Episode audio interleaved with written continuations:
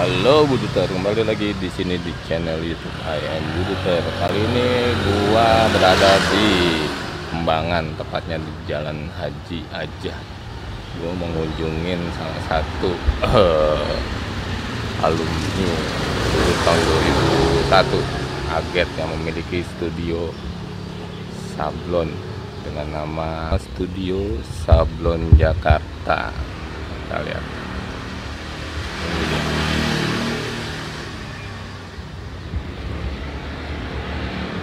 Oke, kita langsung masuk. Kita mau ngebahas tentang clothingan budut, terutama wirausaha dia yang di bidang clothingan.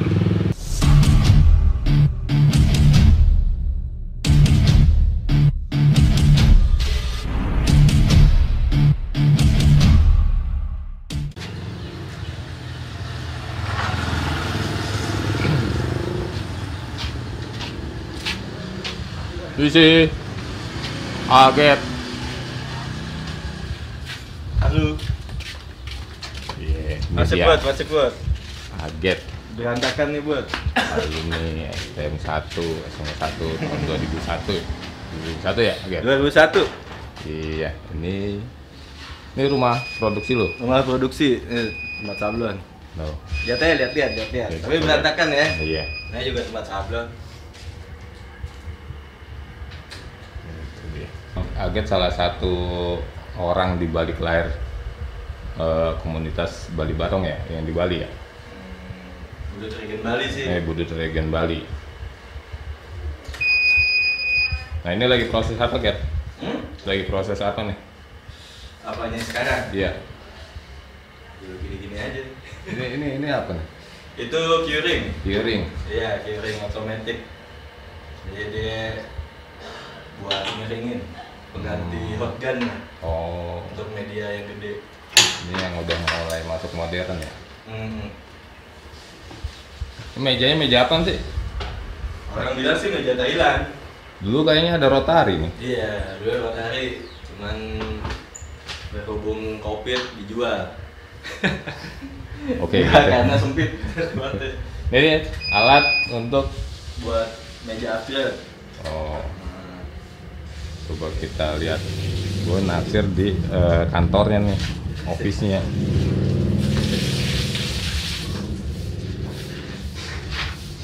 Sini ya. Nah ini apa nih? Ini keren nih. Ini gaya era 90-an nih kalau ke ah, mana ya? Ke Bandung tuh di mana sih? Ke Suropati ya? Coba-ti ya. Ya, Suropati nih gue sering ngeliat nih model-modelnya kayak gini nih. Sampel-sampel ya. Sampel-sampelnya. Ini punya anak 94 desainnya. Yang garap di sini ya. Iya di sini. Hmm, ini BRB. Iya, iya. Ini desain lu. Iya, di sini gua. Oh ini, oh ini beda nih anak pang. Iya. Anak dua dua tuh. Oh ini ada anak tiga. Hmm. Oh ini seri Itu- umum. Itu ordernya Kopaska. Oh is, keren. Banyak sih, cuman nggak dipajang semua. Oke, sekarang kita ngobrol. Kita kembali lagi di sini di channel YouTube I am Buduter. Kali ini gua bersama Aget yang memiliki clothingan dengan nama Studio Sablon Jakarta ya. Iya. Studio Sablon Jakarta. Eh, udah dua seri kayaknya. Ini seri yang ketiga. eh, gua ngebahas tentang clothing budut clothing merchandise budut yang memang sekarang udah mulai rame di era digital terutama era Facebook dari 2009 2000 oh 4 tiga tahun ini ya empat tahun ini kayaknya udah mulai mulai jamur Makin banyak peser- peminatnya. nah salah satunya gue datang ke sini memang ini tukang sablonnya dan punya rumah produksi oke nah get Yap. Siap bang.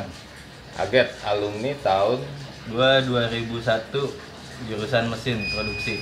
Mesin produksi. Introduksi masih nyambung. Masih nyambung lah dikit-dikit ya. Ada mesinnya. Ada mesin iya. Nah cerita tentang sekolah di Budut. Ini awalan aja ya. Awalan cerita tentang tentang sekolah di Budut. Lu kenal Budut tuh gimana sampai ujung-ujungnya lu masuk ya kan daftar? Dan masuk mulai emang karena gua nggak tahu nih kayaknya mungkin di era lu udah ngeliat wah gua mau Budut ah gitu kan. Karena udah image-nya udah wah aja bangga gitu kan? Atau cuman sebatas kalau kayak gua gua nggak tahu Budut ya kan? Fotonya daftar daftar aja udah nyampe ya udah dapet baru di pas masuk pertama udah lah ini sekolahan. Ini sekolah emang bener-bener sekolah sekolah kayak gimana ya kan? Udah penatarannya heboh itu ya kayak gitu apalagi udah kalau gua gua di era gua gua 97 ya gua belum ngeliat image Budut yang bener-bener eh, negatif ya. Hmm. cuman gua nggak tahu yang di era 2000-an ya coba lu ceritain deh. Gua awal lulus SMP itu sebenarnya udah tahu budut. Cuman gua nggak tahu kalau STM 1 tuh ya SMKN 1 itu budut. Oh. Gua nggak tahu cuma gua tahu budut ya kan? Gua nggak mikir mau masuk ke budut atau ke mana enggak gua tahunya SMKN 1 ya kan karena itu deket kantor bokap gua. Oh. Bokap gua di departemen agama. Ah. nah, akhirnya gua masuk situ tuh. Pas masuk sana naik angkot ya kan naik batas turun pasar baru. Nah ini coretan budut semua ya kan.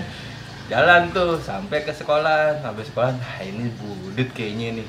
Tapi emang bukan oh lu kan asli Bali. Bali. Asli Bali. Memang eh, Cuman hijrah. Emang Enggak, orang tua dari- udah lama di sini. Oh. Dari kecil gue di sini. Tapi emang lu nggak tahu sebenarnya. Nggak tahu gue tahu budut STM budut tahu. cuman Oh. gue nggak tahu kalau SMKN 1 itu budut. Tapi lu nggak emang nggak mi- emang lu harus milih. Oh gua suka teknik.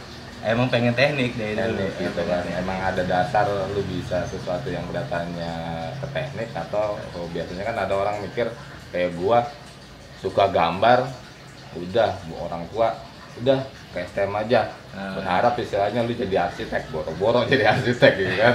Kayak gitu enggak. Kagak kagak. Jadi emang kalau gue dulu seneng motor sih sebenarnya. Oh, SMP motor. tuh gue udah mulai main motor nongkrong di bengkel ya kan. Masuk. Gue nggak mikir jurusan otomotif. Hmm. gue mikirnya mesin ya kan mesin produksi ya kan mesin produksi. Jadi kalau otomotif kan gue gue mikirnya lingkupnya ya udah kalau nggak di motor di mobil otak lu jalan nih Iya, jadi gue pengen maunya mesin produksi. Istilahnya mesin lah, jadi gue bisa masuk ke mana-mana ya kan. oh lu berpikir kayak gitu Iya, gua pikir kan misalnya udah ah gua suka motor gua otomotif Ah. berharap di- jadi bengkel nih punya Iya. bengkel Kagak. Oh enggak. Kalau gue lebih condong ke bangunan ya emang ujung-ujungnya gue mimpi jadi arsitek. Ternyata gagal. ya kan sekarang posisi murtad nih. Sama gue jadi tukang sablon. Oke.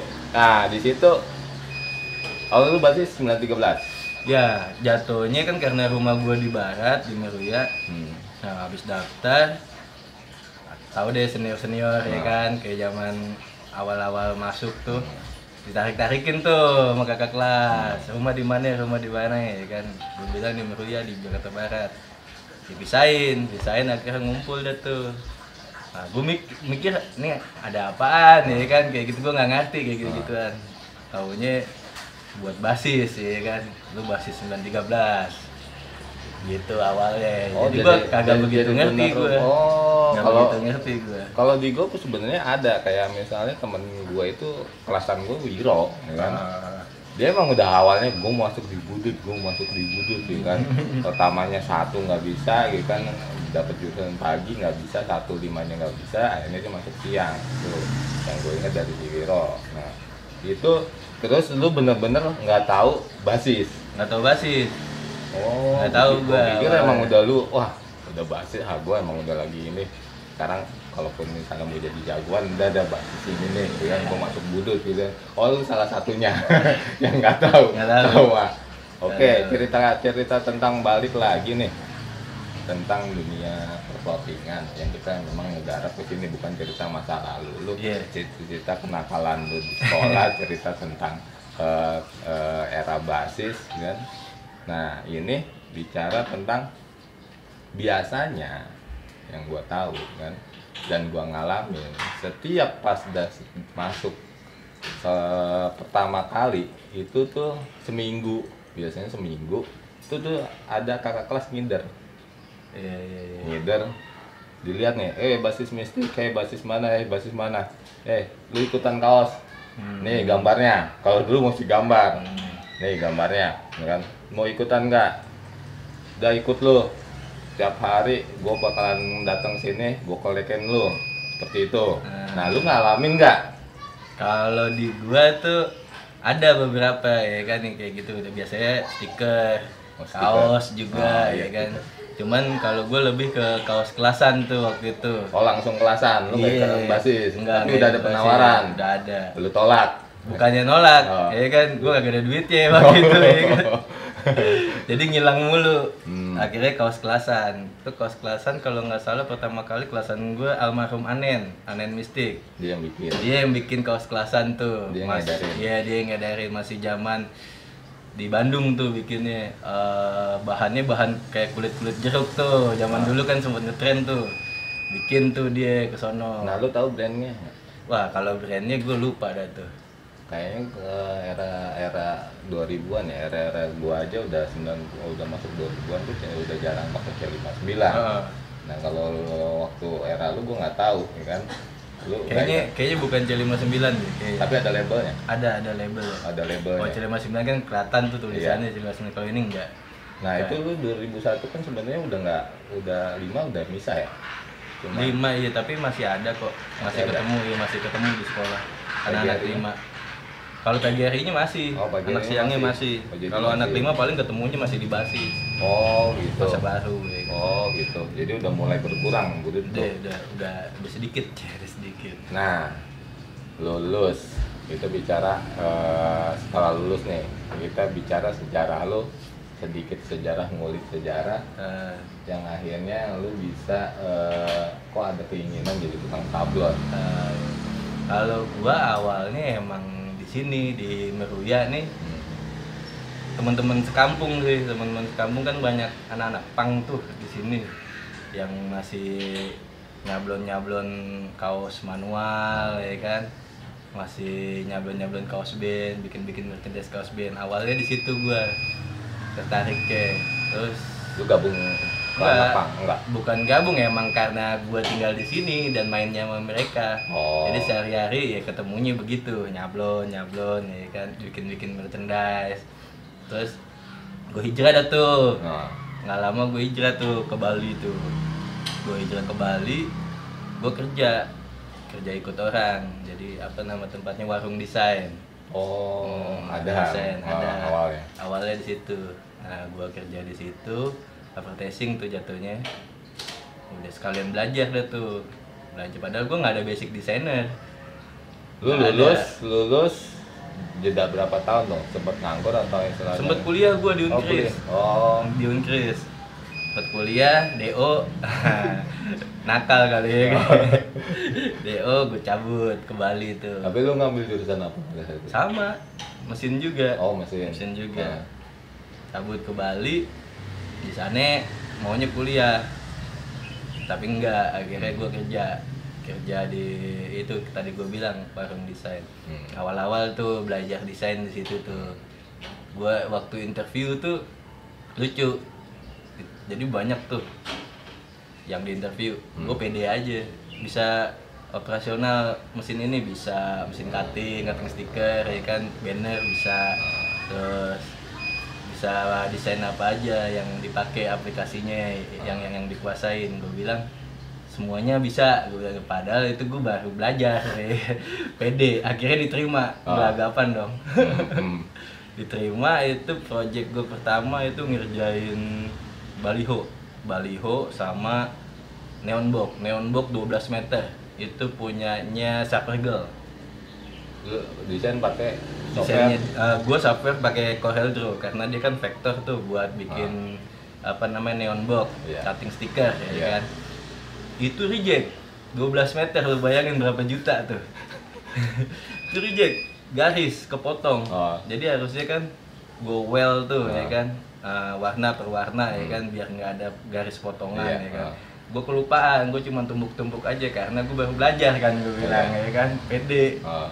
Reject Oh. itu berapa berapa juta itu harganya gue ganti itu Ganti atau pecat? Iya harus diganti lah Ganti. Oh, ganti potong potong potong gaji Potong gaji. potong gaji itu akhirnya dari pagi sampai pagi lagi itu gue di kantor tidur di kantor gue buat nyervis itu doang jadi kalau ini neon box nggak diterima sama customer berarti gue ganti Hmm. tapi kalau ini neon box diterima gue nggak ganti jadi Iya. gue servis tuh Iya. Detail tuh satu per, wa- per warna per warna ya kan Hmm. gue servis nah di situ baru tuh gue mulai belajar serius tuh Oh. Nggak basic eh, basic eh, Corel lu sebenarnya udah ada. sebenarnya ada semua ada cuma baru belajar masih ngeraba Oh. Iya. Tapi lu udah nggak nggak nggak awam lah ini software nggak awam, awam, iya, gitu. Cuman untuk settingan yang yang Iya. istilahnya wah langsung eksekusi untuk belum diproduksi lu ngerti, belum. belum ngerti sama sekali, Apalagi iya. udah hitungannya meteran gitu kan. Ah. Tuh. Nah, sebelumnya ya, gue cerita tentang image ya, ya sedikit eh, ini. Lu kan image-nya nih udah mulai banyak tato nih. Biasanya su- susah juga nih, eh, Get, kalau kita bicara kan. Apalagi dunia eh, istilahnya orang masih kalau sekarang gue nggak tahu ya kayaknya udah udah dia ngelihat eh, nya skill sama yang benar-benar lu ada kemampuan. Tapi dari sisi penampilan orang perusahaan-perusahaan udah udah gitu kan? Iya. diabaikan gitu kan? Nah pas era lu gue nggak tahu nih. Sama. tapi udah udah banyak nih tato. Gua SMP udah tatoan. Jadi, lolos jadi masuk budut itu pas di ospek hari pertama kan ditelanjangin tuh. iya Itu gue sekelas bertiga tatoan. Iya. Termasuk gua. Jadi anak Bekasi, Roy. Eh, Terus almarhum anak Pondok Gede, Sinbad. Iya. ya kan? Dia yang ketangkep berdua karena tatonya kegedean. Iya. Tato gue masih bisa gue tutupin pakai tangan tuh waktu Iya. ospek sekolah. eh, Nah kan pada maju tuh ke depan yang tatuan tuh. Nah gue nggak maju nggak ketahuan dong gue Iya. tutupin pakai tangan gue garuk-garuk tangan ya kan. Akhirnya si Sinbad ngeledekin gue, lu besok jangan sekolah di budut lu. Eh, kalau lu kagak Kalau berani. nggak berani nunjukin tato lu ya kan. iya. Wah gue pikir anjing gue besok bisa habis nih gue nih kan sama anak-anak nih di kelasan ya kan. Udah gue maju ke depan. Maju ngapain gue maju ini pak tatoan?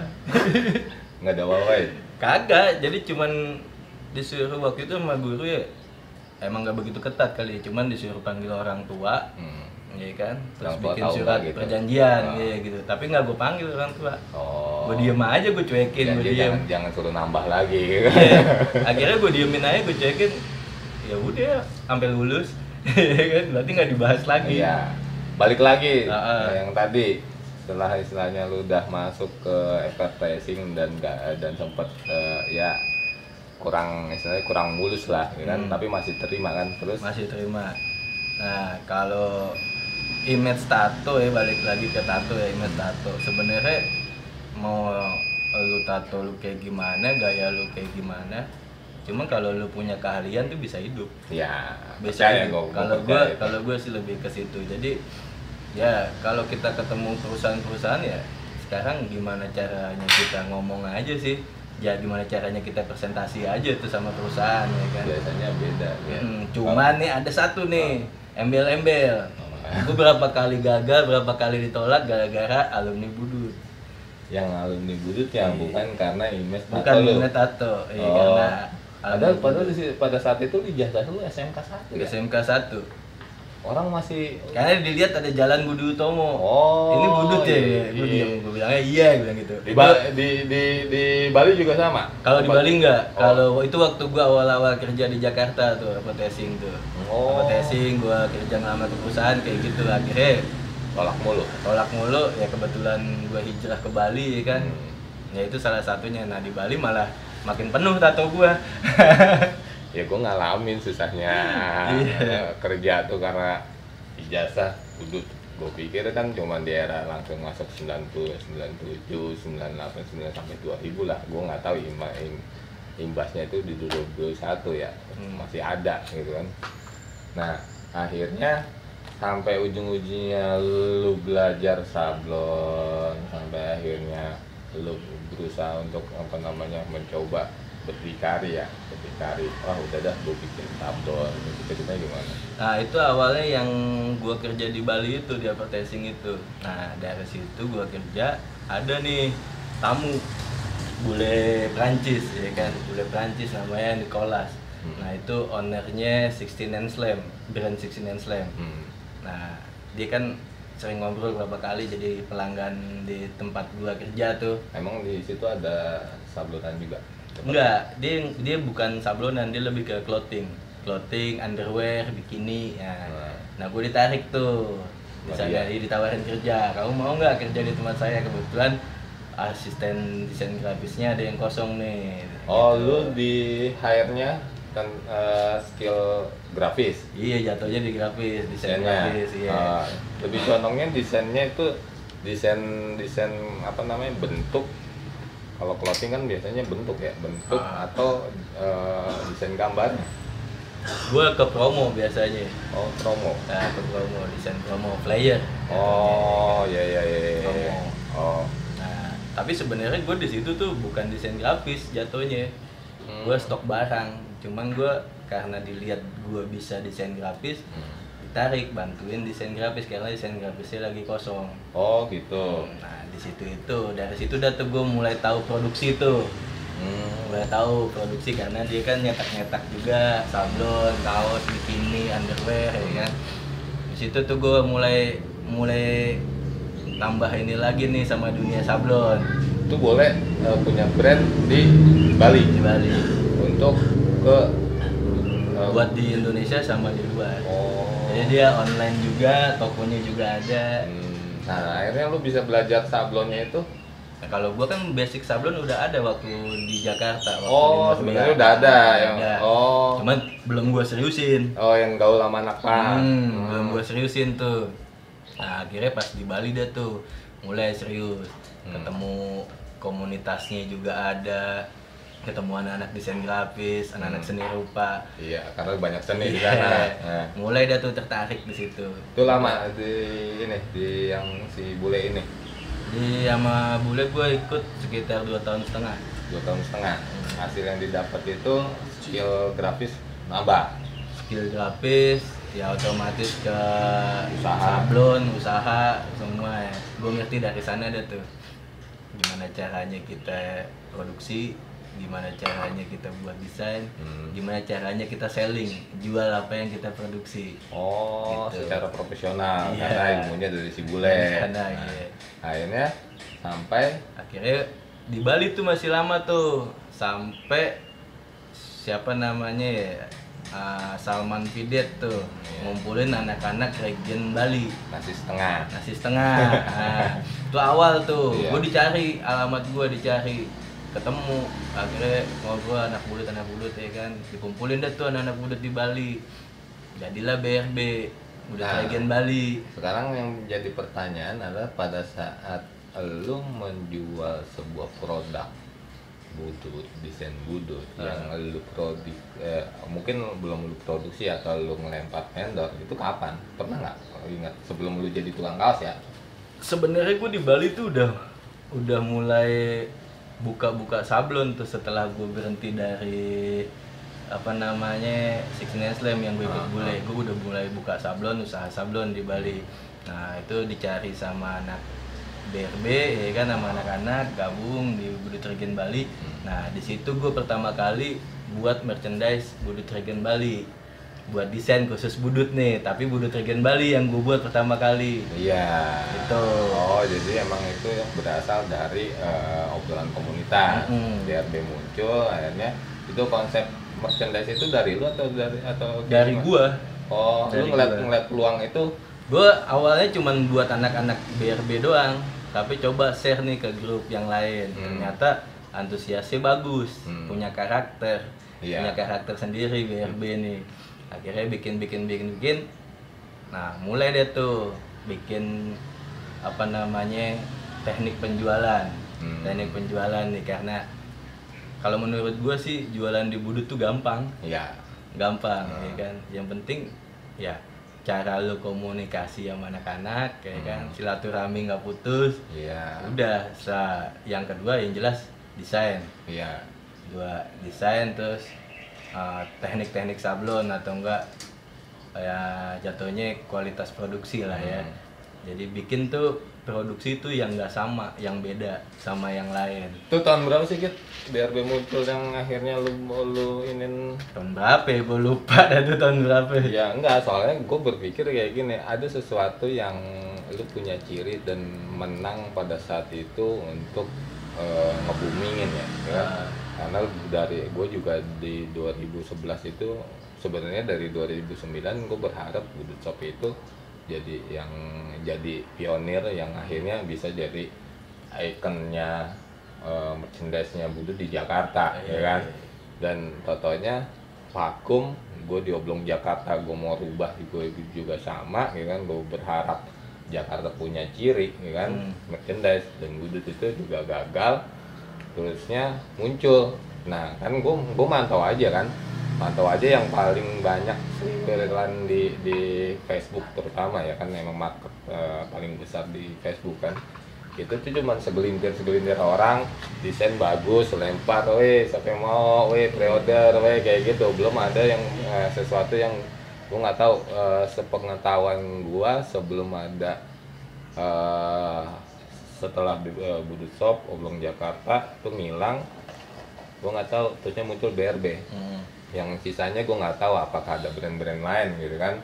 BRB muncul unik. Unik Ah. satu memang ada ciri yaitu barongnya. Iya. Ya kan? Keduanya memang diproduksi di Bali. Ah, ketiganya memang ternyata yang nyablon itu anak alumni Budut, ya iya. kan? Itu kalaupun misalnya sebenarnya be- banyak bisa bisa jadi kalau seandainya Bandung ada seperti BRB ah, yang emang produksinya di Bandung itu lebih kuat atau di mana-mana. Ini sebenarnya ini pioner pioner eh, BRB kalau misalnya memang berkembang sininya. Ah. ya terus tentang BRB itu sendiri. Akhirnya gue nggak tahu nih mau ceritain hijrah lu ke Jakarta. Akhirnya ke BRB ditinggal terusnya di urusin yang lain atau kayak gimana? Iya kalau masalah itu kan pas gue disuruh balik nih ke Jakarta sama nyokap. Hmm. karena di Jakarta rumah udah kosong. Nyokap udah pensiun udah juga. pensiun ya kan? Gue balik tuh ke Jakarta. Nah di situ dah gue mulai ah udahlah stop lah berhenti BRB BRB kasih aja anak-anak yang nerusin yang di Bali. Ah. itu istilahnya biar nggak putus ya kan? Ah, rezekinya istilahnya buat anak-anak juga dari budut buat budut juga Iya. maksud gue gitu Ah, iya. oke. cuman tetap ya kan harus ada marketing. Nah marketingnya ini yang lebih bagus ya emang anak budut juga. Iya. jadi kan kita bagi-bagi rezeki nih sama anak Iya. budut modelnya. Hmm. bukan cuman sekedar ngambil keuntungan pribadi aja. Iya iya iya iya. Itu paham sih gua kalau masalah itu. Gua juga nggak tahu. Ini kan setiap setiap orang punya aturan. Setiap komunitas punya aturan gitu kan. Tinggal kitanya aja nih gitu kan. Eh, apa namanya berbaginya itu seperti apa ya. Tinggal sebenarnya harusnya ada yang ngatur gitu kan. Nah Iya. itu yang kita nggak bisa ini nah, yang yang gue pengen tahu sekarang tentang masa eh, waktu lu di BRB itu berapa seri yang lu keluarin? Oh banyak. Banyak ya? Banyak banyak. Yang paling paling viral?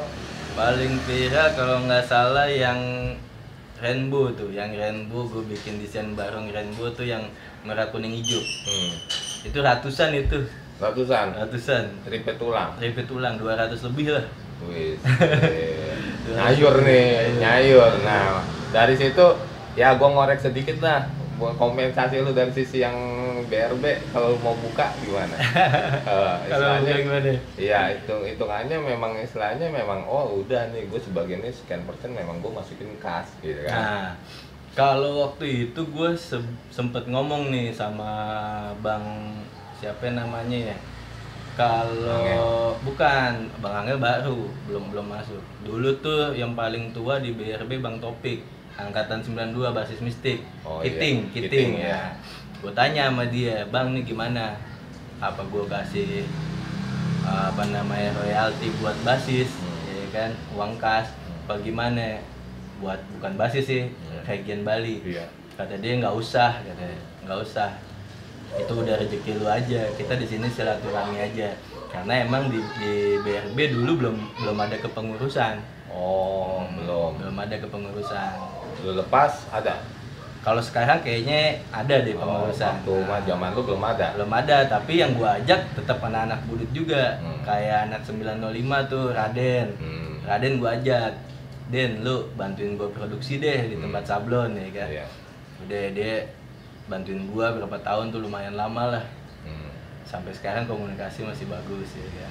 Dia yang bantuin. Misalnya bagi-bagi rezeki juga sama dia ya kan. Daripada gua ngasih orang lain Hmm. ya kan ngasih anak-anak aja. Ya. baru ke Jakarta tuh. Cerita cerita cerita kos produksi. Hmm. menurut yang sekarang pengalaman lu enakan di mana? Kos produksi eh, di Bandung sama di Jakarta ya kan? Atau memang pada saat di Bandung nih biasanya kan orang udah larinya tuh kan tetap di Bandung terusnya kain tetap di Iya. Bandung paling cuma tukang jahitnya Bener, kayak bener. gimana ya kan? Itu perbandingan gimana gitu sebenarnya kalau kalau ngomongin yang lengkap nih ya hmm, itu di Bandung tuh ada semua. Iya dan bahan emang rata-rata dari Bandung iya cuman kan waktu itu gua survei tuh di Jakarta keliling sampai ke Tanah Abang. Hmm. gue dapet bahan ya lumayan kualitas bagus di Tanah Abang lah. Kalau ngomongin kualitas gua rasa paling bagus di Bali. Grade-nya.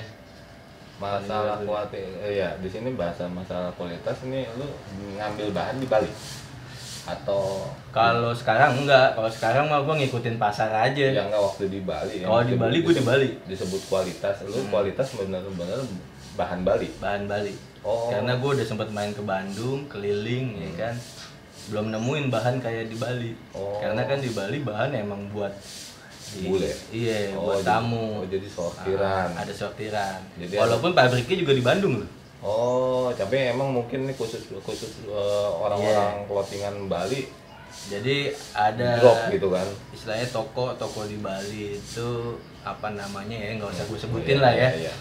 Nah itu dia ngambil bahannya juga di Bandung. Akhirnya gue berangkat dong ke Bandung nih kebetulan anak-anak sablon di Bandung gue banyak kenal juga Iya. ya kan komunitas sablon di Bandung gue banyak banyak juga yang kenal. Gue keliling tuh di situ survei kain segala macam ya kan pabrik. Wah ketemu nih pabriknya, Hmm.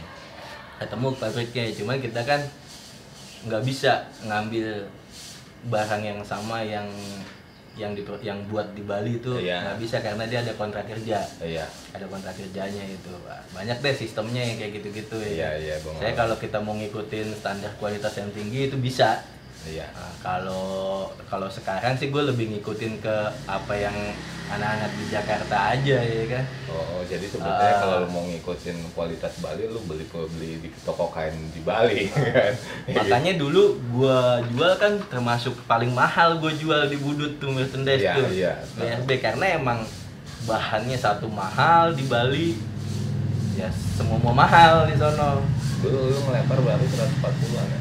Udah 125 ada, 145 ada, tapi gue ke BRB lebih gue jual 125 dulu.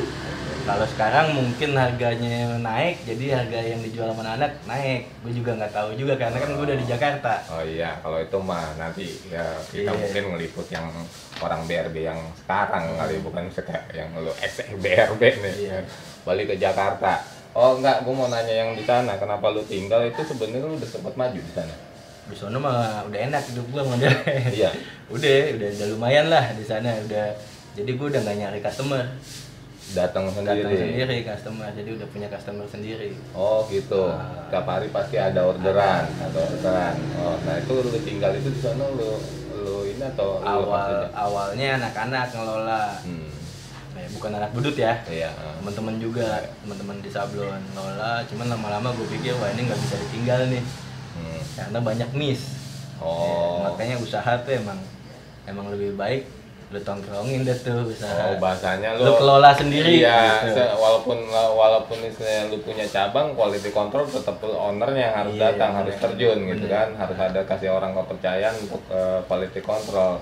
Pas lu tinggal, gitu kan, quality controlnya kurang nih. Akhirnya em, daripada ngerusak ngeru- ngerusak image, gitu kan, kemudian lu matiin sekalian. ya gue sih kagak gue matiin juga Oh, masih bertahan awalnya cuman emang susah ya udah gue bilang ya udahlah gue hijrah ke Jakarta aja balik Jakarta Oh mulai tadinya lu bikin cabang sebenarnya. bikin cabang Oh di gua lu nya domisili di Jakarta Hmm. tapi ngontrol yang di sana. ya kan? cuman kadang-kadang gue juga masih ada produksian juga di Bali Oh gitu. kalau buat yang harga-harga mahal ya Harga Oh mahal. masih ada, jadi masih ada orang di sana. Ada, masih ada. oh tetap masih dibuka gitu kan, tapi nggak terlalu ini gitu kan.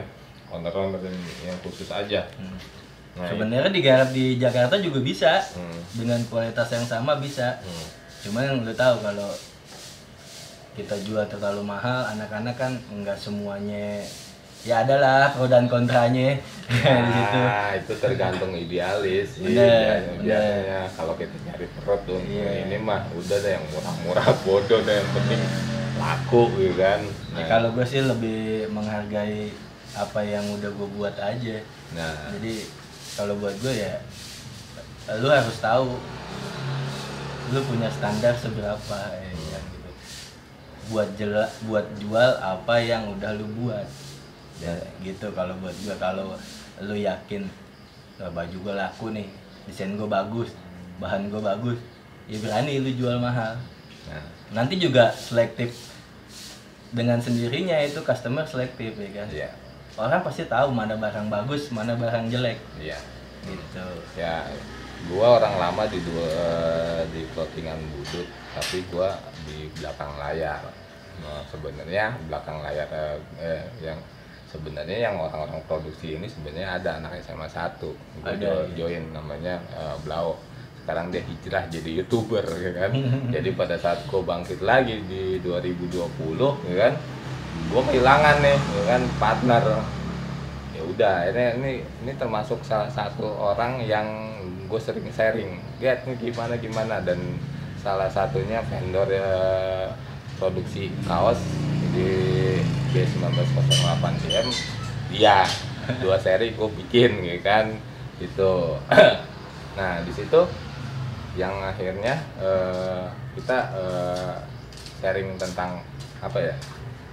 Setelah ya kita cerita tentang lu lagi setelah lu hijrah ya kan ini lu bangun lagi dong.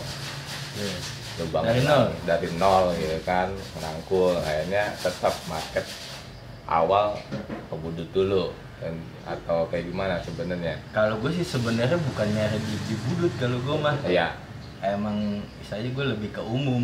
Oh. Ya, kalau di budut tuh karena anak-anak aja yang Oh, yang datang, Yang pada datang. yang udah tahu lu tukang sablon, yang udah tahu sebenarnya lu ada di Jakarta, ya kan. Mungkin dulu gue kalau mau produksi sama Aget, aduh kejauhan di Bali, mikir Iya, kan iya.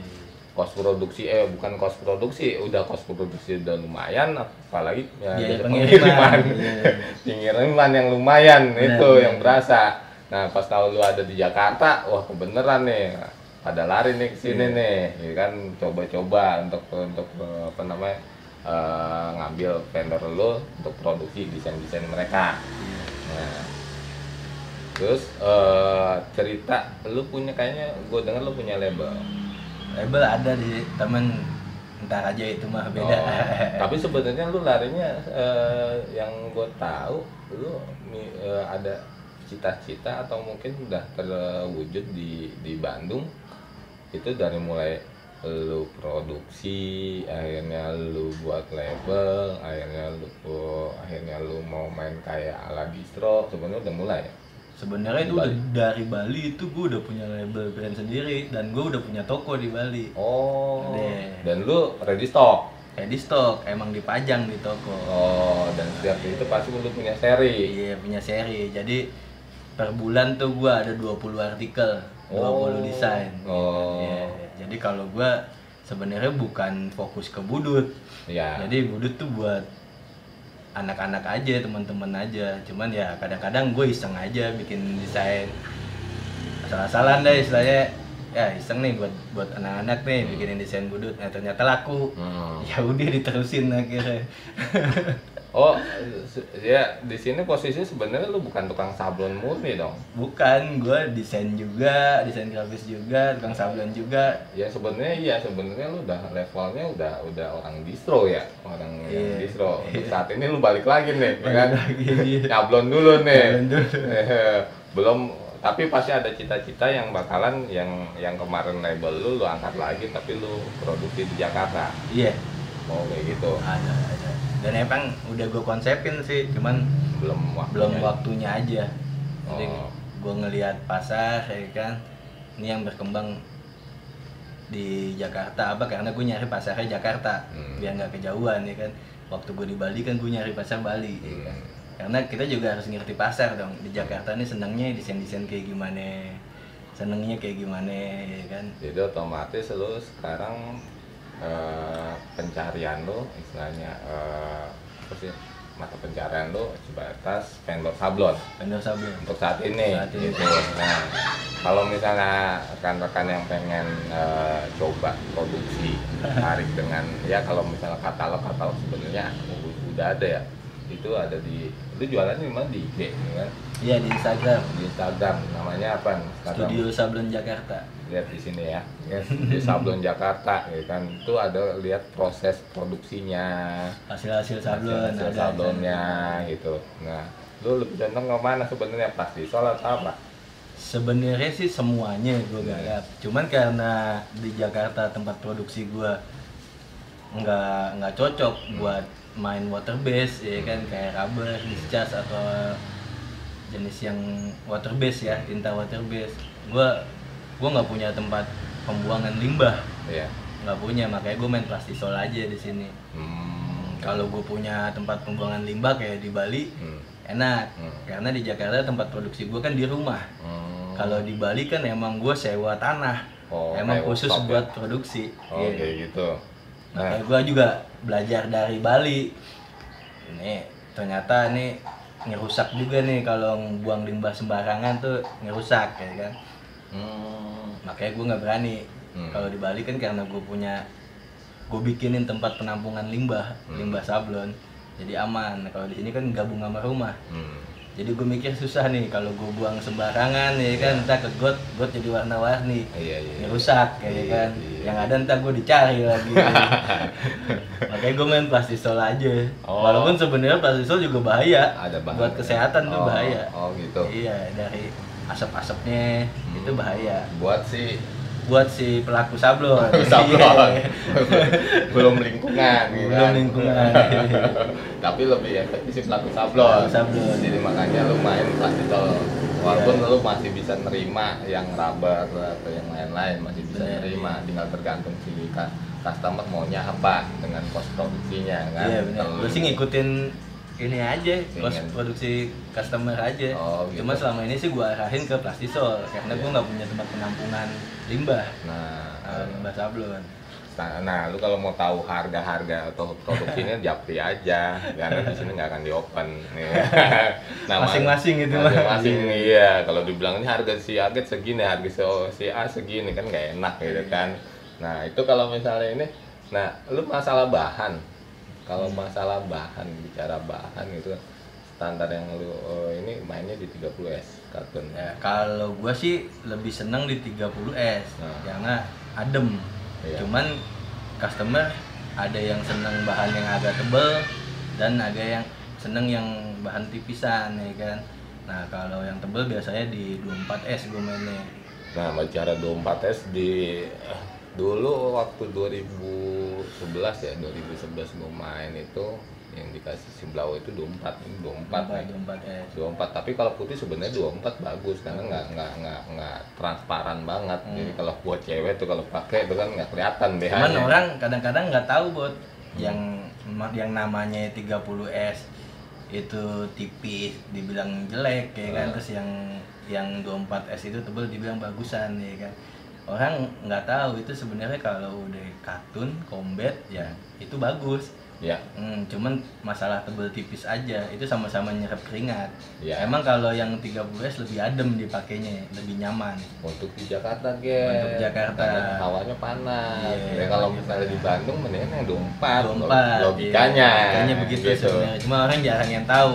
Tapi kalau masalahnya cost produksi sebenarnya untungannya di 30S dong sama aja sih sama sebenarnya. aja. Cuman ya kalau kalau hitungan beli satu roll kan tipis tuh. Ah. jadinya lebih lebih banyak gitu. Iya cuman kan harganya juga lebih murah kalau kita beli belanja kain ya. Banyak oh, kain 13 murah ya? 24S lebih murah. Oh. Dibanding 30S kalau hitungan beli kainnya Iya. beli, beli kainnya kayak gitu sih. Nah, lu termasuk orang yang istilahnya lu lu beli bahan terusnya lu lu potong kirim tukang jahit, ya kan? Atau yang beli jadi nih, dua-duanya tergantung. tergantung permintaan customer tergantung desain Tergantung desain, ter- Iya. tergantung dia mau cepet enggaknya. Iya. Oh gitu, gitu. saya kan toko online banyak tuh yang Nah. jual kaos polos Iya, iya, itu. Oh gitu, ya kan? Jadinya kalau misalnya ini, oh, kalau masalah oh spesialis, ya biasanya kan ada yang yang bisa yang yang ya ini ketika profil lu ya Heeh. tentang usaha ya, lu bisa yang full full print bahasa full sablon atau full apa sih full print ya? Kalau gue sih semuanya bisa, cuman karena medianya gue yang kagak ada, jadi gue Oh waktu yang rotary bisa rotary nggak nggak bisa. Oh, rotary nggak. Tapi gue ada meja buat full print ada. full print Ada. gitu.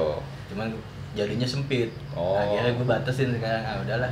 Yang A3 aja. Ah, sablon A3 aja lah, A3 lem- paling gede A2 lah gitu. Oh gitu, Ah, masih bisa. Ukuran normal aja. Benar normal ya, standar aja. Nah, standar aja. bicara eh, oke ini profil target tentang wirausahanya kita bicara sekarang tentang clothing budut ya kan nah clothing budut menurut lo ya kan harga budut itu harus murah atau mahal Kalau dari nama sih ya. harusnya ya punya harga lebih. ya Iya, harusnya harusnya itu ya mahal. Makanya sekarang kan mahal atau murah tuh relatif nih. Hmm. Suka-suka dia lah yang jualan ya kan. Iya. Cuman kalau gua pribadi dari nama sama apa yang udah lu buat, apa yang udah lu desain, Hmm. ya kan. Lu harus bisa menghargai karya lu sendiri. Baru lu ngejual ke orang. Ya, Ngerti nggak lu? Paham nggak lu? Paham. Jadi di sini ada sebenarnya ada cost eh, apa namanya nilai.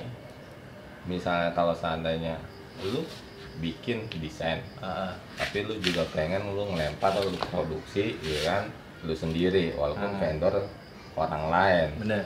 Ini ada nilainya nih, ya kan? Iya, Harga desain lu berapa? bener. Dan lu harus bisa berpikir ini kalau gue lempar ke pasaran gitu kan pasti laku dengan harga 100 juga 100 di atas 125 ya kan. Walaupun kita bisa tahu reta harga yang kita tahu di Jakarta itu nyablon itu sekitar di angka 75 80 gitu kan. Itu lu ngambil untung 30 40 ribu gitu kan. Tapi karena lu desain lu bagus lu harus menghargai nilainya. Bener. ya, ya kan. Ya itu gambler juga sih sebenarnya gambler juga. Nah itu oke itu standar yang mungkin umum ya Iya. tapi kalau kalau ya ini ini ini cerita eh, ini ulasan pribadi ya bukan menjadikan satu satu statement kita untuk harus semuanya sama ya kan? Hmm. ya menurut gue sih kalau gue pikir-pikir memang harga kaos dulu itu mahal. Iya. ya kan? Kenapa mahal ya kan? karena ada kata budutnya Iya, bisa. Bener. karena ada kata budutnya budutnya kata budutnya itu tuh gimana ya gue berpikir ini nilai yang nggak bisa dinilai dari harga sebenarnya Hmm. tapi seenggaknya dikasih nilai yang lumayan lumayan kalau lu jual harga yang hitungannya di bawah rata-rata standar ya anak-anaknya jual ya kayaknya kayak kaos itu dengan ada tulisan budut tuh obralan gitu Nah, jadi iya, nah, iya. ya gue bukan bukannya ini ya gue bukannya menjatuhkan atau mau kayak gimana enggak kita cuma bicara tentang nama budut dalam sebuah clothingan Iya. ya menurut lu kayak gimana Ya, yes. Ya emang harusnya seperti itu. Emang kita harus kan yang kita pakai baju budut tuh kita pakai bangga. iya Jangankan anak budut, orang lain aja bangga Iya. pakai baju budut. Iya. Karena emang yang kita jual itu nama besarnya. iya. Lu bikin tulisan, bikin desain dengan tulisan budut aja itu laku. iya. Laku. Nggak Iya. perlu gambar macam-macam itu laku. Saya kalau gambar kan suka-suka pribadi ya yang buat desain. Hmm. saya kita jual tulisan budut aja itu laku. Makanya kayak yang gue bilang tadi jualan di budut tuh gampang Iya, dah iya, bener ya. Gampang. Orang umum pun sebenarnya kalau jualan di budut pakai nama budut itu gampang karena banyak kan orang nyari. Ya jujur aja di sisi lain gua gua yang termasuk yang yang pelaku gitu kan. Tuh banyak anak-anak yang non budut tuh minta eh, mau mesen-mesen gitu kan Iya. tapi kalau di gua kan ada verifikasi kalau bukan ya sorry gua gua tolak walaupun Ah. itu rezeki ya bukannya masalah ini kan ada ada perasaan kayak gimana ya ya apa sih ya? Ya ditakutkan. Gue bukan masalah si pelaku itu nanti ujung-ujung eh, apa melakukan tindakan yang negatif yang akhirnya image budutnya Iya. itu mungkin salah satunya. Yang jadi masalah itu kuat nggak? Dia pakai baju budut Hmm. ketemu orang yang akhirnya ujung-ujungnya bisa nggak lu ngadepin? Kalau lu bukan anak budut Kalau dulu mungkin serem buat pakai baju budut. iya Serem. Ya kan lu pakai baju budut di jalan, musuhnya banyak. ya kan? iya maksudnya zaman pelajar apalagi Kalau sekarang kayaknya biasa aja karena gue udah ngerasain gue pakai baju budut keliling Jakarta mah nggak ada yang nyolek biasa aja. ya cuma coba Oke. "Ih, anak budut ih, Iya. anak budut gitu Cuman kan. dia tahu nih anak budut, anak budut budut. Iya. Kalau dulu emang serem pakai baju budut itu ada historinya. Jadi lu pakai baju budut itu satu bangga, dua lu ya lu taruhan nyawa juga pakai baju budut zaman dulu tuh. Iya iya iya iya iya iya. sampai ujungnya gue juga pada saat selesai alumni kan pakai baju budut gerah juga Iya. tapi pas di dunia perfacebookan jujur aja kalau gue gua ngelihat fenomena eh, sekolah fenomena eh, sekolah dan alumni yang masih berani pakai baju budut itu cuma anak budut Hmm. Gue nggak tahu setelah era 2009 sampai mungkin era sekarang banyak sih gue ngelihat baju penerbangan baju Banyak. kampung Jawa gitu kan Udah mereka udah biasa kayaknya iya cuman sebatas identitas oh, lu anak Jawa ya. mungkin dalam hal ini cuma sebatas oh di alumni walaupun gua anak budut ya dan anak kampung Jawa cuman rada pak kadang rada panas juga ih ada penerbangan nih gitu kan cuman pepet doang kalau ketemu mah nggak ngapa-ngapain gitu kan cuma ngasih tahu nih eh gue juga anak budut loh begitu Makanya kan itu balik lagi ke masing-masing orang. hmm. Entah itu si pembeli Hmm. anak budutnya sendiri atau si penjual anak budutnya sendiri. Kalau masalah harga ya kan itu masing-masing. Kayak gue pribadi, walaupun gue nyablon baju budut, gue tetap beli. Iya Misalkan ada anak anak-anak nih jual baju ya kan, Hmm. baju budut desainnya gue suka, ya pasti gue beli. sama Desainnya gue suka, harganya cocok sama gua, saya harganya gue bisa bayar modelnya di kantong Iya. gua, gue beli. Jadi Sama. dan gue nggak pakai nawar kalau buat budut, iya iya iya iya. nggak pakai nawar. Betul betul sama ini salah satunya gue suka tampilannya oke kayak mandor nih Si mandor ya. iya berapa sekian gitu loh. Oke dor kan rekening lo kirim. Jadi gitu Iya. kan. Karena emang suka dan bukan kita juga udah nggak ada jiwa-jiwa malak-malak walaupun gua hitungannya gua senior gitu kan si mandor junior gua udah males tawa-tawaran Kalau gua- gue sih lebih menghargai aja. iya. Menghargai ini orang buat desain, buat istilahnya dia produksinya dia jualan kaos, ya. Karena orang bikin kaos, jualan kaos itu nggak gampang. iya Dia pakai otak juga mikir, Hmm. mikir dia bikin desainnya kayak gimana, ya kan dia mikir ya kan. Udah itu cara ngejualnya gimana, Hmm. produksinya kayak gimana itu yang harus dihargain Iya. selain historinya ya kalau histori budut ada siapa sih nggak tahu budut kayak gimana ya Nah, itu terusnya eh, fenomena yang terjadi logikanya, gue juga masih bingung. Kom- bukan kita eh, bukan bilang kompetitor, kita bilang istilahnya banyak eh, rekan-rekan kita. Oh, Ya kita nggak tahu rekan-rekan kita itu alumni alumni atau pelajar. Mungkin sekarang kalau gue ngeliat di Instagram pelajar-pelajar pun udah mulai itu. Kalau dulu kita dagangnya itu langsung datang ke kelas-kelas nawarin desain mau ikutan nggak pre-order apa-apa yang sekarang yang gue ngeliat di Instagram pelajar itu dengan akun-akun pelajar gitu kan itu jualannya DM di VA di Insta, Insta Story. Instastory nah ya gue nggak tahu nih mas ya wih ada tamu. Tamu nih. Eh, silakan silakan silakan gabung aja ngobrol Ah, ya kan? nah itu yang yang kita nggak tahu ini marketnya ke mana. Hmm. kalau misalnya kita bicara di media sosial itu pasti marketnya itu pasti yang lihat kadang umum kan. Mm-mm. Itu apakah dia itu akhirnya membuka peluang eh, orang-orang non budut itu memiliki eh, kaos budut yang dia jual Ah, tuh ya it- kita nggak bisa nutup mata ya Iya, kan iya. kalau buat pribadi gue sih gue butuh verifikasi bukan anak pelajar alumni budut gue tolak ya kan iya. Pelajar alumni budut tanda kutip ya brotherhood di dalamnya yang memang benar-benar situ kayak ada grafika atau apa Iya. itu masih ada eh, masih ada lolos lah ya kan Hmm. Ada tamu nih. Guys, kan, kan. nah itu menurut lu ya kan ini bukan menjadikan satu ini ya bukan menjadikan suatu eh, apa sih namanya statement yang harus diikutin ya kan?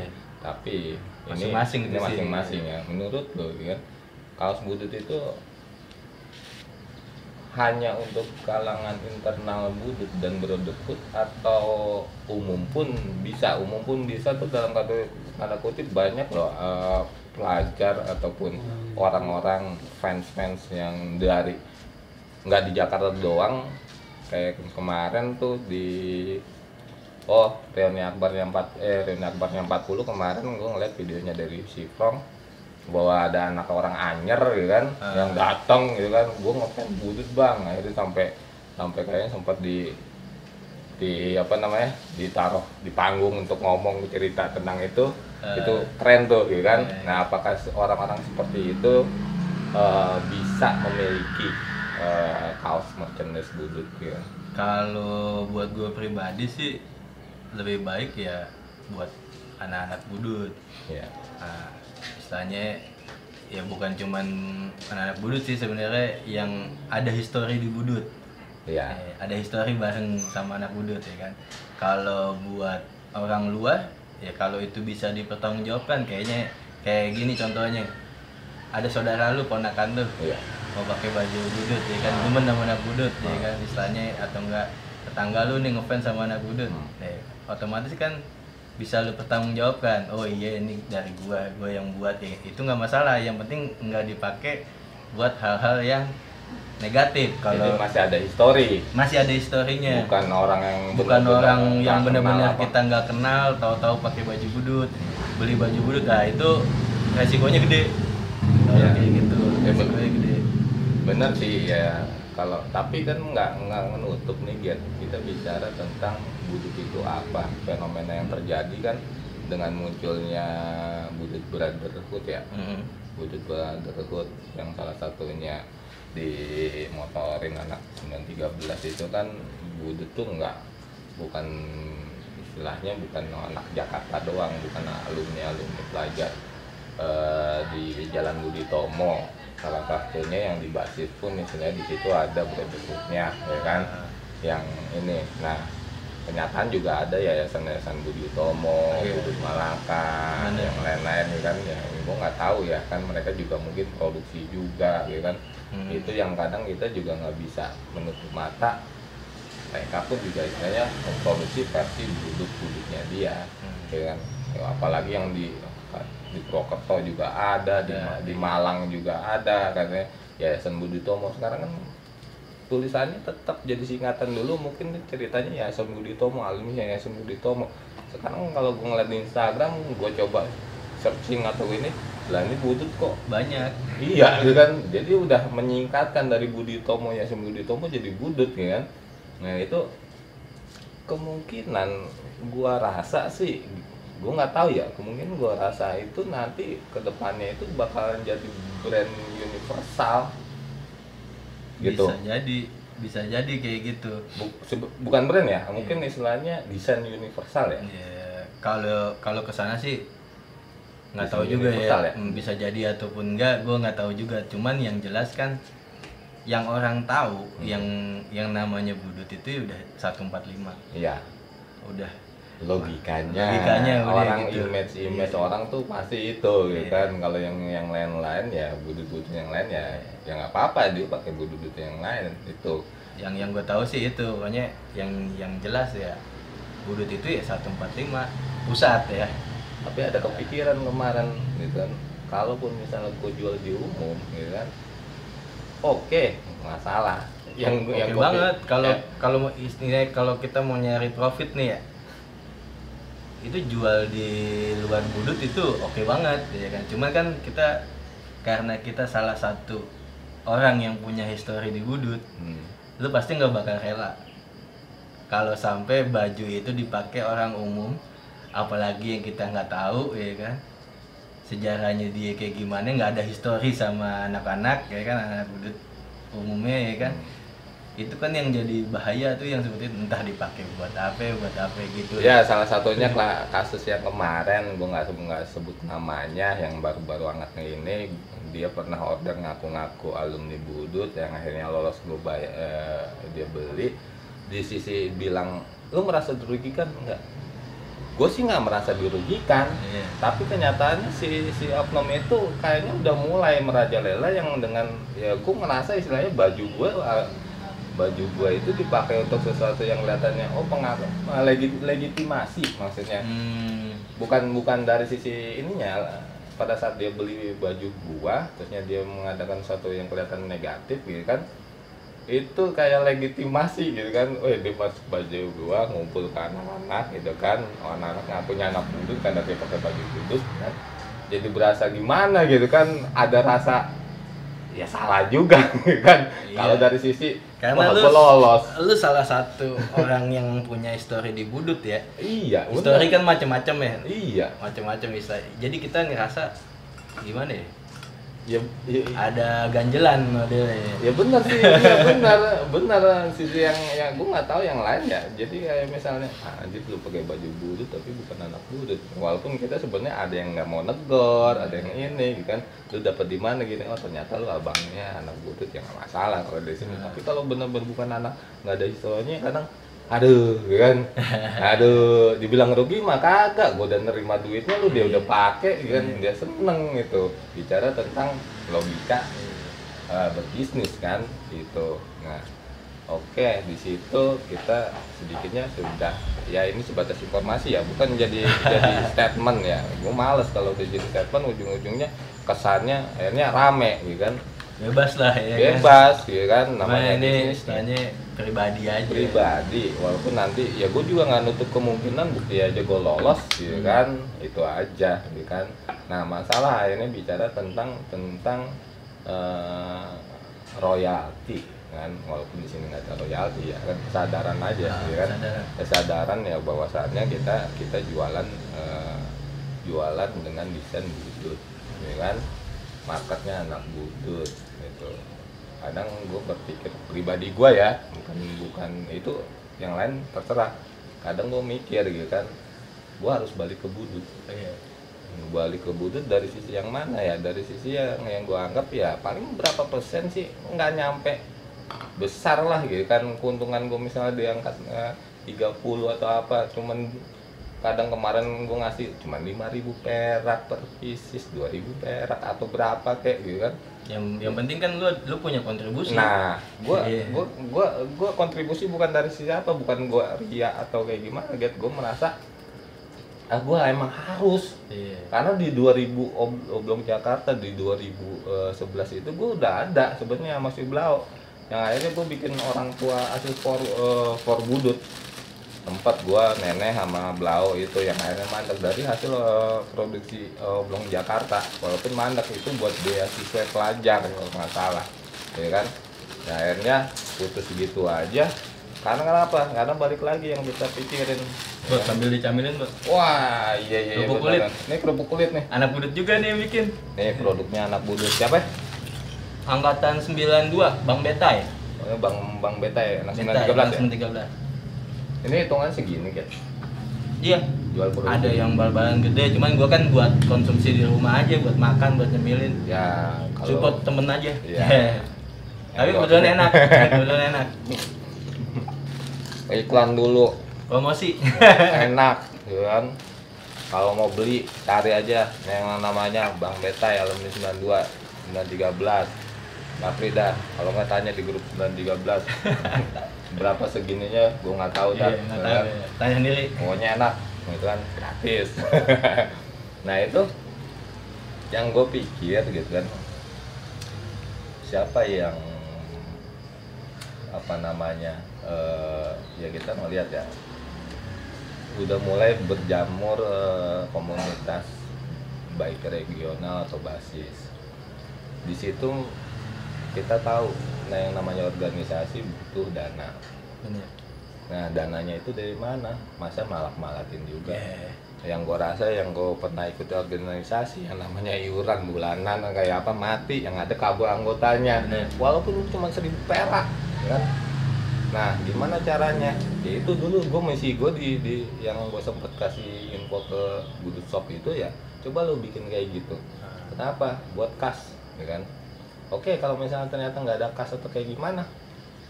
Jadi gue mikir, dulu banyak almarhum gitu kan yang kita nggak tahu ya zamannya di Budut mungkin sampai sekarang era-era sekarang itu ada histori-histori yang akhirnya mereka itu meninggalkan yatim Bener, bener, bener. ya itu yang gue pikirin ya gue nggak banyak gitu kan seenggaknya gue udah dah gue kontribusi ke siapa gue tahu misalnya gue di basis mistik oh dia ada banyak anak yatim kas ya gue kirim lah untuk yatimnya ya kan biasanya sekarang juga ada yang ada misi sosial yang benar-benar bagus kayak Budut Janais kan yang buat umum dia mimpi mereka untuk punya eh, ambulans sendiri Hmm. ya udah Oh, itu keren tuh. itu kan Keren itu.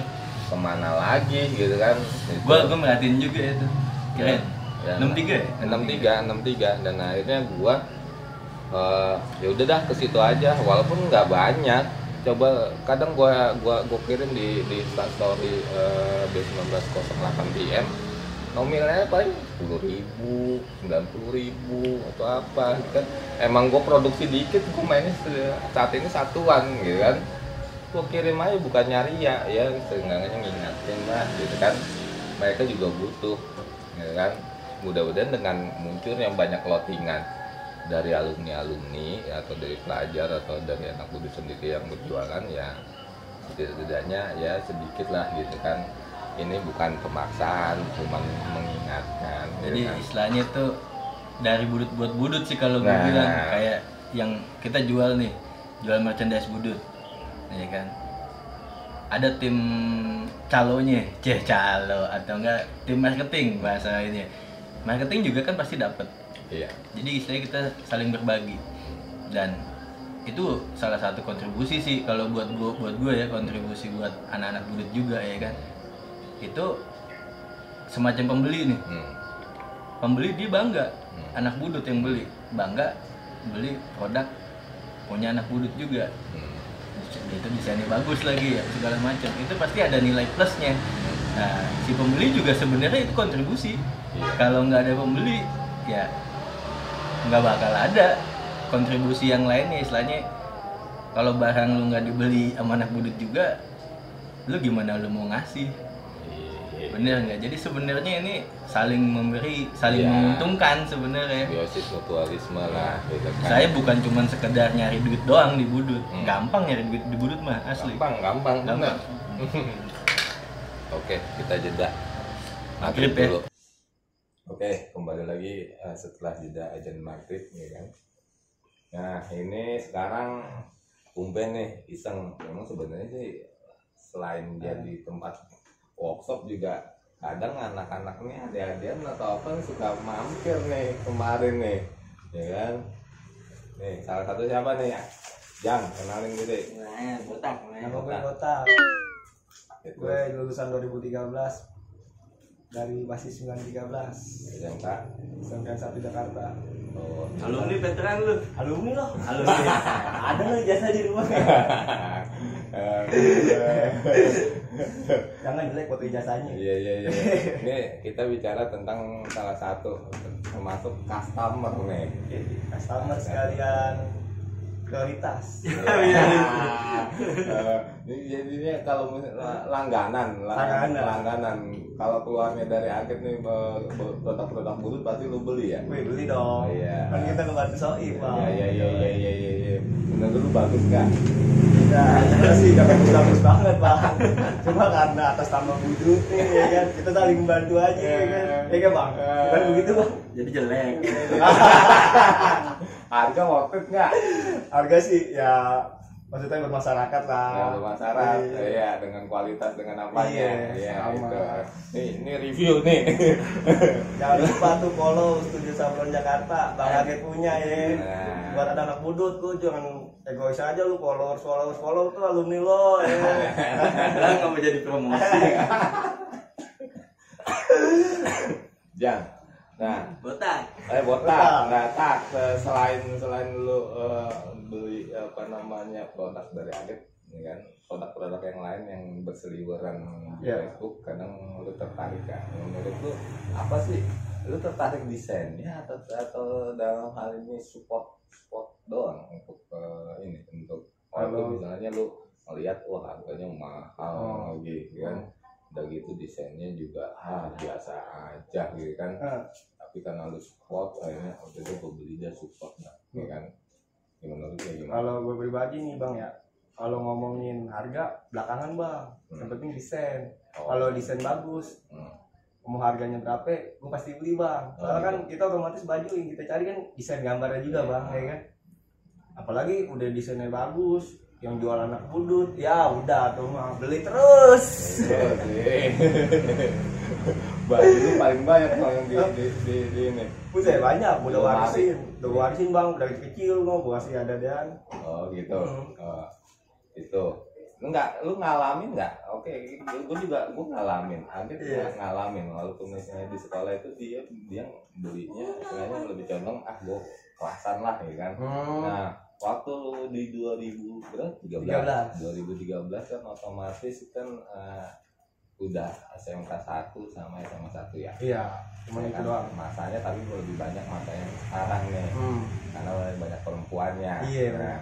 lu ngerasain nggak setiap pada saat lu baru kelas 1 seminggu atau sebulan lu lu sekolah di sana lu ada nggak yang tukang ngider kaos oh lagi selama gua sekolah ya Jalanin, jalanin Oh, kaos. jalanin. jalanin ya biasanya orang yang ngejalanin kaos paling ya kelas tiganya gitu aja bang kelas tiga ya waktu lu kelas 1 terusnya Ah. ada nggak yang datang Oh, nih gitu kan itu Bas jarang. 913 913 eh ini lu anak 913 Oh, iya. ya gitu kan nih gua punya desain nih nih, nih, nih. lu ikut lu hmm.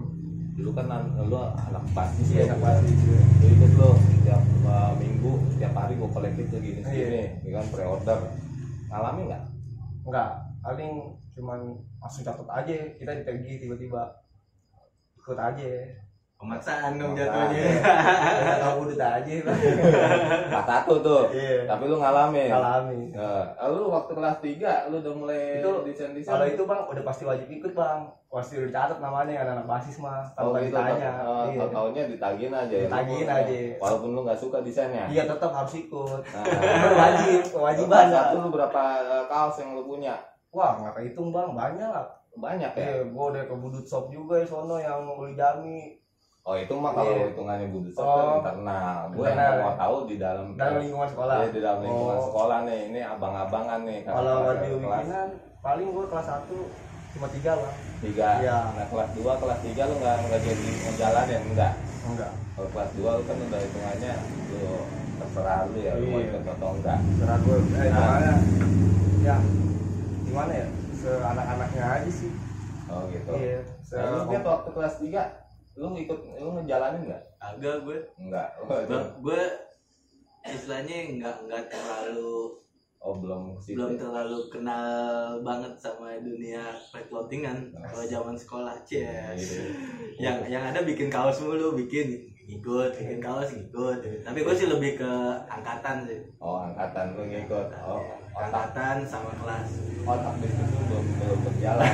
Belum berjalan, iya. tapi nyari bisnis yang lain di luar jalan. Boleh boleh boleh. Oke, ini kayaknya udah cukup nih lama ngobrol sama Aget kita udah membahas tentang profilnya usahanya kan. Sekarang closing statement nih Ger ya, pertama eh, ya saat ini kalau lu mau cerita tentang ya dunia vlog dengan duduk oke. Terusnya ya saran-saran Iya. ataupun dalam hal ini juga tentang eh, anak budut. Kadang gua ngeliat di status wah anak budut baik banget ya kan udah dulu padahal mentalnya sebenarnya kuat gitu kan? Dia dia ngikutin gitu kan kalau makannya gitu kan? Yang ada dia gue gue strong gue strong gitu kan. Jarang ngeluh gitu kan. Kadang gue kok bingung dia anak budut kita sih apa dia banget gimana sorry bukannya ini. Cuman gue aneh aja se se, se mungkin sekater katernya anak gitu kan males ah gue ngebay di budut malu gue gitu kan nah itu gimana Ger? ya. Ini bukan tentang itu ya ini cerita tentang ya kita motivasi ya. Jadi motivasi. Kalau kalau gue pribadi sih ya kalau gue pribadi nih ya. Closing statement ya. Kalau gue pribadi tuh saran gue budut kan udah terkenal dari dulu tuh kreatif. Ya. Iya, dari zaman bikin sama C59 itu desain desain budut tuh kreatif. Nah, kalau bisa ya yang dulu udah terkenal kreatif itu sampai sekarang ya harus lebih kreatif. Ya. Contohnya banyak. Anak-anak budut yang jadi desainer. Banyak yang gua kenal sih ya. Anak Cipenem Oglek Hmm. ya kan? Anak 2002 Hmm. terus siapa namanya anak pondok gede tuh? Inoy. Oh iya. Iya. yang anak grafika tuh. Iya. Iya. kan salah satu budut juga tuh di pondok gede Ah. iya itu dia kalau gue bilang lah daripada kita. Kalau emang lu nggak bisa buat desain kenapa nggak lu mesen desain? Jadi istilahnya jangan sampai kita desain tuh cuma sekedar nyomot doang di Google. Hmm. Ya, lu harus edit. Iya. lu harus edit. Gimana caranya itu desain berubah. Jangan jangan cuman main tempel tempel tempel terus kasih tulisan budut. Ya kasihan desainernya yang bikin tuh mikir makanya gue lebih lebih seneng kalau emang gue buntu desain gue beli. Gue juga beli desain walaupun gue jualan desain iya. gue kadang-kadang beli juga desain kalau gue buntu. oh iya iya, iya. jadinya kayak gue nih selama ini gue kerja di Jakarta nyablon yang bantuin tuh angkatan 86 namanya Bang Asep alumni Budut satu. Nah dia tukang desain tukang setting setting desain ya kan. Gue sering ngasih ke dia tuh. Oh ada. Ya Nah, cuma di mana? Kalau nggak salah di Cengkareng. Iya, sama dia tuh angkatan 86 oh. Gua awal kenal juga gara-gara ngeprint ngeprint film ya kan, ketemu dia. Ternyata dia desain grafis tukang Oh. setting juga ya kan. Akhirnya gua kasih dia bang coba dong tolongin gua nih desain budut juga ini ya istilahnya gua support temen juga ya kan? Daripada gua kasih orang lain mendingan gua kasih temen ya kan? Biasanya rata rata-rata harganya berapa di sana dua ratus tiga ratus? Kalau beli desain tuh relatif sih. Relatif. Ada ya, kalau gue setahu gue ya, start dari 150 400 1 juta tergantung. Kalau desain kan beda-beda. Oh iya. Mau lu desain logo desain Logo apa mahal macam-macam jadi saya jangan sampai nih anak budut ini dilihat wah Yang kreatif ya. Nggak kreatif. Karena sekarang gini orang buat desain susah-susah ya kan? Dicomot di Google ya kan? Desainnya dia oke lah dicomot di Google. Kasih nama budut. Nah itu desainer itu pasti ada salah satu temennya anak budut. Oh. itu kejadian di gua tuh. Ya desainer itu akhirnya git gua anak budut nyolong desain gua yang mana? Yang ini. Waduh. Ya gua nggak tahu dah kalau kayak gitu. Terus gimana? Itu tegur aja gua bilang gitu. Itu udah banyak kejadian. Oh yang waktu kasus Rina Nusantara juga. Ah Rina Nusantara. Iya. eh sempat ya kan. Iya, banyak banyak kejadian itu. Makanya gue bilang akhirnya jadi orang-orang yang tadi ngelihat anak budut uh kreatif kreatif ternyata ya emang nggak semuanya ya nggak semuanya. Cuman ada beberapa orang yang suka kayak gitu. Kalau gue bilang ya gue pribadi juga masih nyomot di Google. Cuman gue edit. Gimana caranya itu sedikit berbeda lah. Jangan ATM. iya kalau kalau istilahnya sih ATM amati tiru modifikasi. Iya. ya kan kita kita ngamatin dulu ngelihat sesuatu. Ih kayaknya keren nih kalau di ditacap di kata-kata budut kan oke bahasanya kita comot akhirnya bahasanya niru. Karena dari sisi desain eh, grafis kayaknya sulit untuk jadi yang original. Iya. kata kata orang sih seni rupa yang yang, Iya. yang benar-benar origi- original ya kan? Nah, nah, itu. Terus yang modifikasi. Yang modifikasi itu dari dari akhirnya kita sedikit eh, setidaknya ngubah atau apalah gitu kan. Hmm. areanya ternyata ya masuk kan modifikasi ada gambar ada tulisan budut itu kan modifikasi kan. Tapi juga enggak langsung ujung-ujungnya mungkin wah dengan resolusi yang dapat ada yang tembok di Photoshop tapi enggak enggak nge-retouch ulang gitu kan. Ada yang yang kita ngerasain jujur aja tukang setting yang pusing. Itu udah comot ceplok ceplok ceplok gitu kan. Ya bisa enggak buat bisa enggak kan set udah nyampe resolusinya kecil kita ngedit lagi kan karena itu pengaruh buat Hmm. kalau desain nggak istilahnya resolusi nggak bagus itu pasti pengaruh ke hasil produksi pengaruh oh itu dari dari obrolan yang kemarin eh tadi ya tadi lu cerita yang katanya kok anak gue nggak kreatif sampai ujung-ujungnya kayak gini gitu yang katanya dari Solo ya Iya. Ya, itu sih nggak semua anak budut kayak gitu cuman ada beberapa yang seperti itu cuman kan jadinya semua orang apalagi udah di dunia maya ya kan di Facebook Instagram jadi orang-orang yang punya desain ngeliat ih kok anak budut begini oh Iya, iya jadinya iya, begitu. iya, iya. lu gimana ya anak budut kok kagak kreatif sih gitu. biasanya anak budut kreatif ada ada kemarin gue sempat ngeliat karena gue juga di, di dunia eh, perclothingan ini juga dibilang lama tapi masih masih baru kan. Nah itu gue ngeliat memang ya kan termasuk gue pelaku ya kan yang coba kadang eh, desain tuh pakai walaupun tetap pakai ATM ya sama kita tuh modifikasi ya. Tapi kemarin gue ngeliat ada tuh muncul truk gitu kan. Anjir ini keren banget ya kan. Hmm. itu si Trekmoy Trekmoy 106 kalau nggak salah di alumni eh, 996 siang gitu kan dia itu bener-bener pakai tangan gitu. Jadi ada historinya.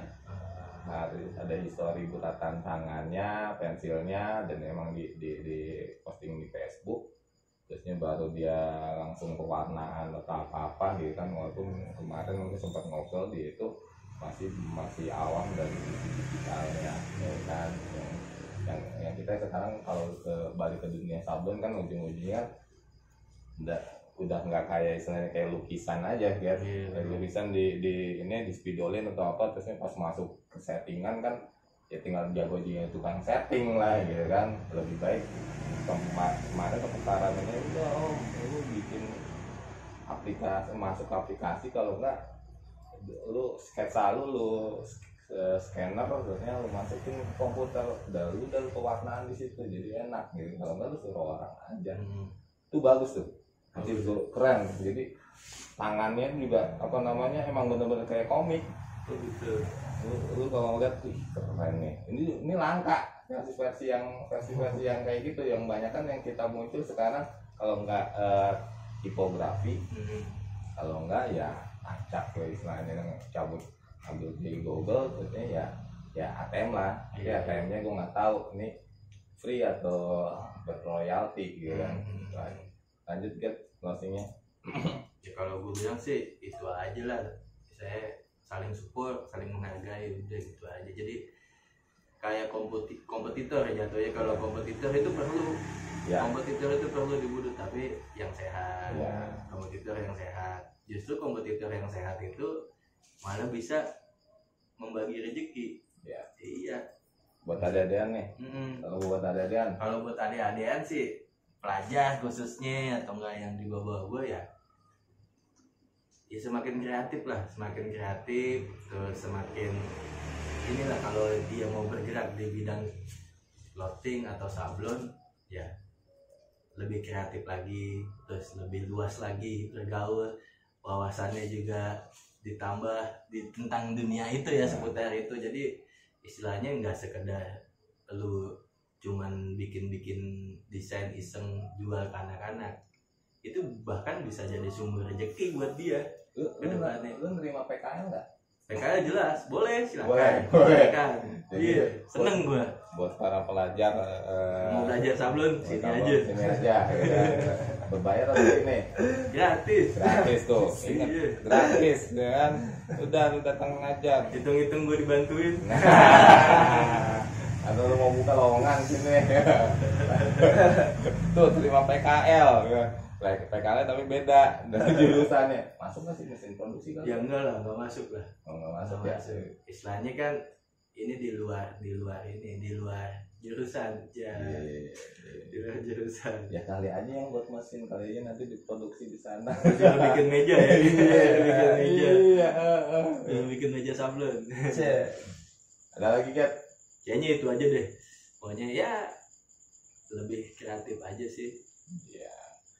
Oke segitu aja obrolan kita di ngobras ngopi bareng bersama alumni STM 1 SMK 1 Jakarta yang membahas sedikit tentang usaha wirausaha alumni berupa clothing terutama ya itu tentang clothing budut nih terutama Aget alumni 2001 dan ini customer alumni 2013 botak ya. Oke gitu aja. Ciao. Dah